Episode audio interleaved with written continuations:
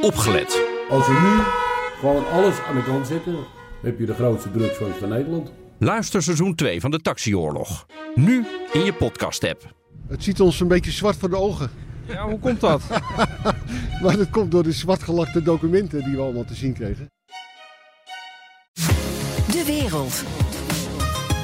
De poging van Donald Trump om aardsvijanden Servië en Kosovo bijeen te brengen is mislukt. Want één van de twee partijen komt niet opdagen. Een bericht vanuit Den Haag maakte vroegtijdig een einde aan het plan van de Amerikaanse president.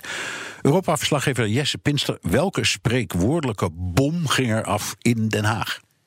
Er ligt een aanklacht tegen de president Thaci van Kosovo. En die komt van de speciaal aanklager die in Den Haag gevestigd is... die onderzoek doet naar de oorlogsmisdaden in Kosovo. Want de president van Kosovo zou samen met een aantal anderen verantwoordelijk zijn... voor de dood van 100 mensen, voor verdwijningen van mensen... voor martelingen. En nu moet de rechter dus gaan bepalen of die aanklacht... of die een vervolg gaat krijgen. En het gaat dan allemaal terug naar de tijd van de, de Kosovo-oorlog eind jaren 90. Over die martelingen gaan bijvoorbeeld al heel lang de verhalen dat er illegale orgaanhandel heeft plaatsgevonden. Carla Del Ponte, destijds hoofdaanklager bij het Joegoslavië-tribunaal, die maakte dat, uh, bracht dat naar buiten. In 2008 is dat uh, inmiddels alweer.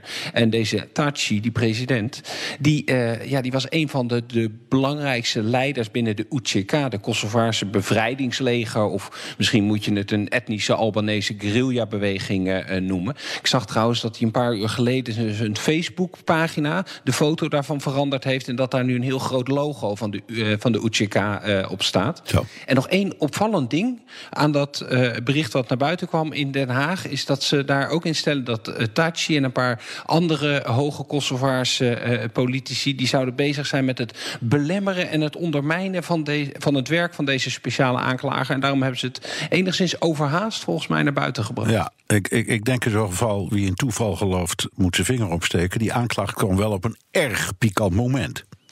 Ja, Zelf die zat in het vliegtuig omdat hij onderweg was naar Washington, naar het Witte Huis, naar Donald Trump. Want daar zou hij zaterdag onder leiding van de Amerikanen gesprekken voeren met zijn ja, grote vijand Servië. Dat is allemaal georganiseerd door Richard Grenell. Dat is die toch wat controversiële voormalig ambassadeur van Trump in Berlijn.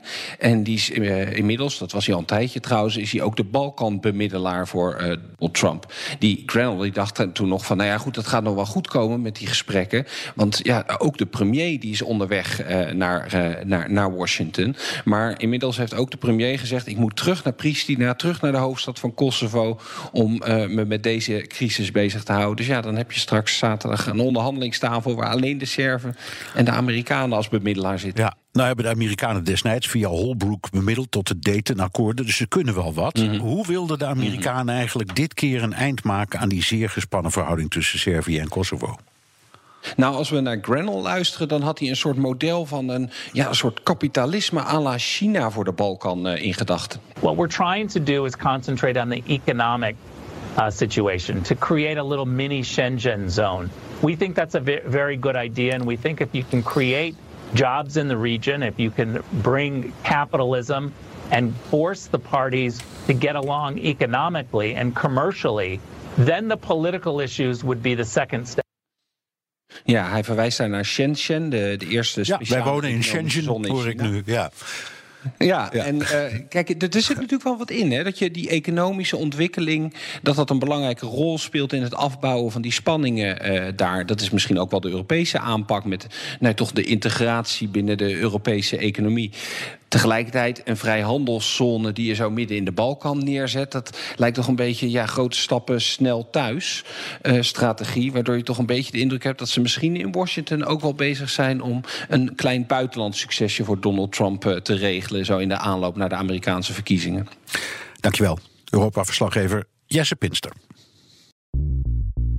Bij BNR ben je altijd als eerste op de hoogte van het laatste nieuws. Luister dagelijks live via internet. Bas van Werven. En heel langzaam komt de zon op rond dit tijdstip. Je krijgt inzicht in de dag die komt op BNR, het Binnenhof in Nederland en de rest van de wereld. De Ochtendspits. Voor de beste start van je werkdag. Blijf scherp en mis niets.